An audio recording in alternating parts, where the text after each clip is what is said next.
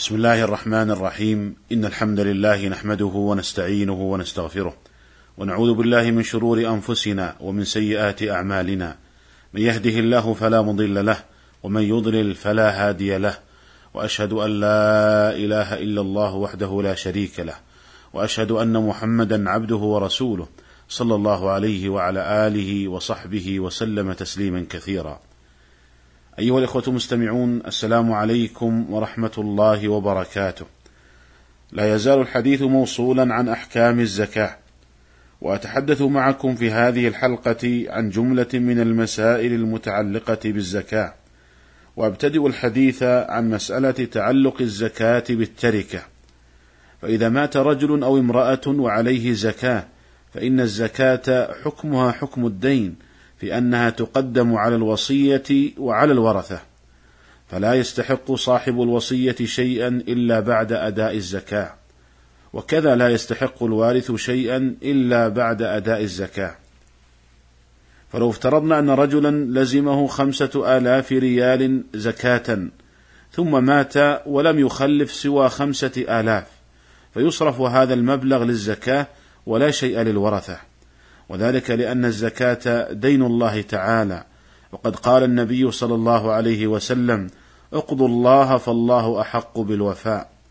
ولما قسم الله تعالى المواريث في سورة النساء قال من بعد وصية يوصي بها أو دين وفي الآية الأخرى من بعد وصية يوصى بها أو دين. وقد أجمع العلماء على أن الدين سواء كان دينا لله تعالى أو دينا لآدمي أنه مقدم على الوصية وعلى الميراث والزكاة دين الله تعالى فتقدم على الوصية وعلى الميراث. ومن مات وعليه دين فهل يجوز أن يسدد دينه من الزكاة؟ اختلف العلماء في هذه المسألة فذهب أكثر العلماء إلى أنه لا يسدد دين الغارم بعد موته من الزكاة. بل حكاه أبو عبيد وابن عبد البر إجماعا. ولكن الواقع أن في المسألة خلافا فذهب بعض العلماء إلى جواز ذلك. والراجح والله أعلم هو ما عليه أكثر العلماء وهو أنه لا يجوز أن يسدد دين الميت من الزكاة. وذلك لأنه لم يثبت أن النبي صلى الله عليه وسلم قضى ديون من مات من الغرماء من الزكاة. مع أنهم قد يكونون في حاجة إلى ذلك. وكان رسول الله صلى الله عليه وسلم إذا قدم إليه الميت سأل هل عليه دين؟ فإن قيل نعم لم يصل عليه وإلا صلى عليه. ولما فتح الله عليه الفتوح وكثر المال كان يقضي الدين من بيت المال. ولو كان قضاء الدين عن الميت من الزكاة مشروعا لفعله رسول الله صلى الله عليه وسلم. لأن الزكاة كانت قد فرضت قبل أن تفتح الفتوح فهذا من جهة النقل. ومن جهة النظر لو أجزنا ذلك لصرفت الزكاة على الأموات وسدد الناس ديون ذويهم وأهليهم وحرم الأحياء من قضاء ديونهم مع أن قضاء دين الحي أولى من الميت حتى في الصدقة غير الواجبة لأن الحي يذل بالدين ويتألم والميت إن كان أخذ المال وهو يريد أداءه فإن الله سبحانه يؤدي عنه كما جاء في الحديث الصحيح الذي أخرجه البخاري في صحيحه يقول النبي صلى الله عليه وسلم من أخذ أموال الناس يريد أداءها أدى الله عنه ومن أخذها يريد إتلافها أتلفه الله. وقوله أدى الله عنه أي أدى عنه في الدنيا والآخرة. ومن قضى دين ميت من صدقة التطوع فلا بأس بذلك بل هو مأجور عليه إن شاء الله تعالى. وأما قضاء الدين من الزكاة فلا يجوز في أظهر قولي العلماء والله تعالى أعلم. ومن المسائل المتعلقة بالزكاة أنه ليس للدائن أن يسقط الدين عن الغريم بنية احتسابه من الزكاة. وذلك لأن الواجب على المكلف إيتاء الزكاة وهذا لا يتحقق إلا بأدائها وإخراجها من ماله إلى المستحق. والإبراء من الدين هو مجرد إسقاط وليس أداء فلا يجزئ عن الواجب. ولأن المال الذي في ذمة المدين هو أقل قيمة بالنسبة للدائن لأنه ليس في يده فلا يقوم مقام المال الذي في يده.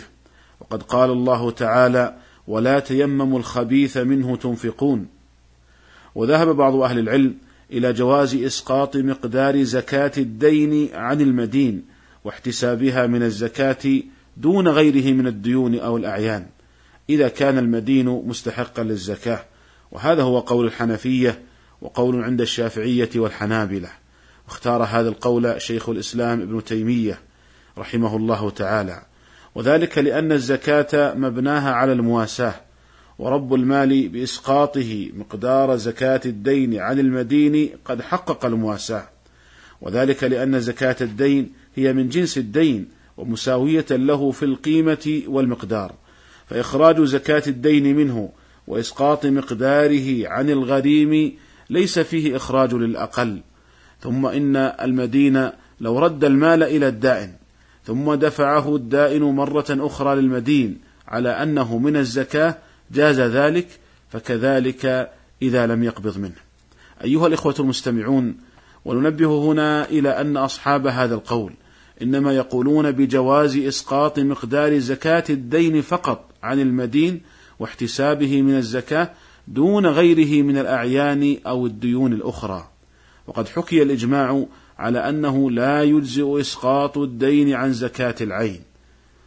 والحاصل أيها الإخوة الحاصل في هذه المسألة أن المسلم إذا وجبت عليه زكاة فليس له أن يحتسب إسقاط الدين الذي يطالب به آخر أو إسقاط بعضه ليس له أن يحتسب ذلك من الزكاة.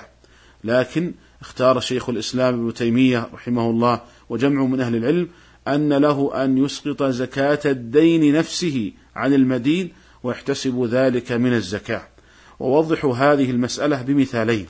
المثال الأول رجل وجبت عليه زكاة مقدارها خمسة آلاف ريال مثلا ويطلب فلانا من الناس خمسة آلاف ريال فليس له أن يسقط الدين عن ذلك المدين بنية احتسابه من الزكاة.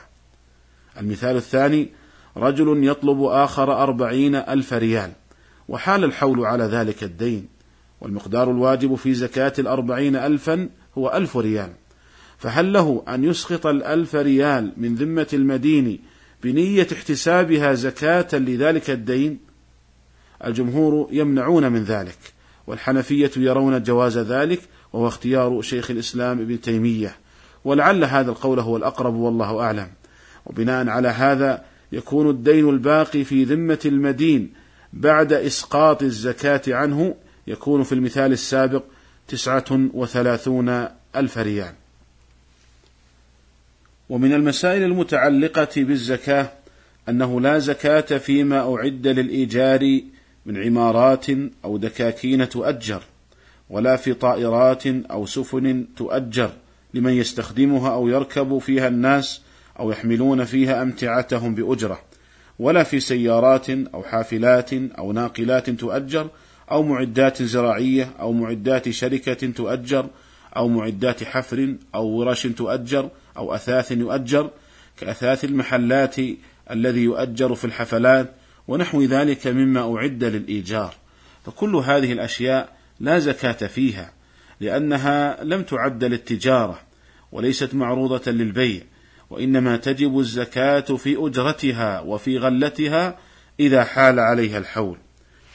وقد صدر قرار من مجمع الفقه الإسلامي الدولي في عدم وجوب الزكاة في أصول العقارات والأراضي المؤجرة غير الزراعية وجاء في قرار المجمع إن مجلس مجمع الفقه الإسلامي الدولي المنبثق من منظمة المؤتمر الإسلامي في دورة انعقاد مؤتمره الثاني بعد أن استمع لما أعد من دراسات في موضوع زكاة العقارات والأراضي المأجورة غير الزراعية قرر ما يأتي. أولا أن الزكاة غير واجبة في أصول العقارات والأراضي المأجورة. ثانيا أن الزكاة تجب في الغلة وهو وهي ربع العشر بعد دوران الحول مع اعتبار توافر شروط الزكاة وانتفاء الموانع. أيها الإخوة المستمعون، وبناء على هذا فمن كان عنده عمارة يؤجرها فلا تجب الزكاة في أصل العمارة وإنما تجب في أجرتها إذا حال عليها الحول. وكذا لو كان عنده سيارات يعمل فيها بالأجرة أو يؤجرها للناس فلا زكاة فيها وإنما الزكاة في أجرتها إذا حال عليها الحول. وكذا لو كان عنده مصنع أو ورشة أو مغسلة أو غير ذلك فلا زكاة فيها وإنما تجب الزكاة في غلتها إذا حال عليها الحول. أيها الإخوة المستمعون هذا ما تيسر عرضه في هذه الحلقة ونلتقي بكم على خير في الحلقة القادمة إن شاء الله تعالى. والسلام عليكم ورحمة الله وبركاته.